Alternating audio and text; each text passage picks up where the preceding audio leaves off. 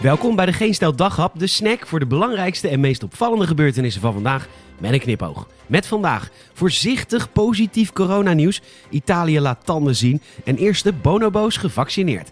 Mijn naam is Peter Bouwman en dit is het nieuws van vrijdag 5 maart. Er gaan minder hele oude mensen dood. Dat is bijna altijd goed nieuws, zeker als het komt door het effect van vaccineren.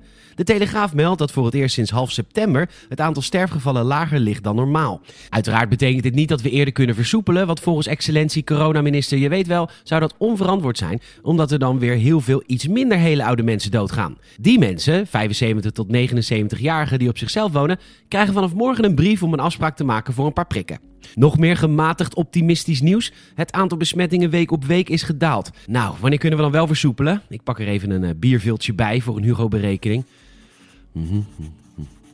Februari. Ja. ja, dat duurt nog lang. Ja, dat was schrikken. De EU die opeens zijn tanden liet zien. Vaccinboer AstraZeneca heeft in vaccins gehandeld alsof ze een eigen marktplaatspagina hebben. Ja hoor, die leuke rode schoenen hebben we wel. Koop maar joh. Ja, oh, we hebben ze toch niet. Wilt u ze in het groen of we leveren de rode gewoon wat later? Ja, u heeft al betaald en hier kunnen we echt niks aan doen hoor. De loesje handelaren van AstraZeneca beloven en beloven maar, maar komen hun verplichtingen dus niet na. En dus heeft de Europese Commissie nieuwe regels gemaakt dat als de EU hun beloofde aantal vaccins niet krijgt, dat ze dan geen vaccins mogen exporteren naar het buitenland. En Italië voegt daarbij het woord. En dat vindt Australië, die de vaccins geleverd zou krijgen, niet leuk. Nou, minister-president Scott Morrison, ik vind het oprecht heel rot voor jullie, love koala's en zo. Maar hiervoor moet u echt bij AstraZeneca zijn. U kunt ze van maandag tot en met vrijdag tussen 8 uur s ochtends en 8 uur s avonds Amerikaanse tijd bereiken via nummer 1800 236 993. Staat gewoon op hun site. Doei! Corona is een dure grap. Toen het allemaal begon was het kabinet bereid om diep in de buidel te tasten. En dat is een belofte die ze wel zijn nagekomen.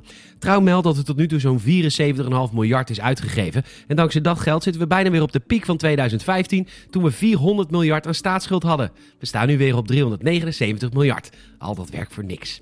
En weet je nog waarom Rutte 1 viel? VVD, CDA en PVV werden het niet eens over bezuinigingen op de zorg, zoals aantal IC-bedden en eerste hulpposten. En of dat grappig is of dieptries, laat ik er nu de luisteraar. Heerlijk hè? Lekker in je achtertuin op Eiburg. Uit de platenspeler klinkt de mooiste wereldmuziek. En je kijkt uit over een prachtig windmolenvrij IJmeer. En je geniet van een heerlijk kopje groene thee. Hmm. Niet doen, levensgevaarlijk. Zo waarschuwt de Belgische toxicoloog Jan Tiepgat bij HLN. In groene thee zitten polyfenolen die gezond kunnen zijn, maar dat ligt natuurlijk aan de dosering. Per 100 milliliter zit ongeveer 70 milligram van die dingen en vanaf een liter kan het gevaarlijk zijn. Er kan leverschade ontstaan. En ook zou het beschermen tegen kanker en ook dat is al niet waar. En je kan vitamine- en ijzertekorten ervan krijgen. En bij zwangerschap, borstvoeding en hartproblemen zijn twee koppen al de max. Zoveel stress op Eiburg, heftig zeg. Hoewel het vaccineren in de Verenigde Staten niet heel hard gaat, hanteren ze wel een andere volgorde. Daar zijn namelijk de apen al aan de beurt. In de dierentuin van San Diego was een corona-uitbraak onder gorilla's. Want ja, voor afstand houden, mondkapjes en één bezoeker per dag voelden de beesten zich natuurlijk weer te goed. Nou ja, de uitbraak kostte talloze apen niet het leven, nul doden en dus prikken maar. Inmiddels zijn de orang-oetangs en bonobo's ingeënt met een vaccin dat speciaal wordt gemaakt voor dieren door het bedrijf Zoetis, een dochterbedrijf van jawel, Pfizer. En als je denkt dat de apenkroegen, apenwinkels en apenterrassen weer open zijn, nee hoor, ze zitten dan gewoon glazig voor zich uit te staren op hun apenrots. Ondankbare beesten. Bedankt voor het luisteren. Je kunt ons enorm helpen door een vriend of vriendin te vertellen over deze podcast. En ook een Apple Podcast review zouden we enorm waarderen. Ook wij zijn een bitch van de algoritmes. Maak er een mooi weekend van en tot morgen.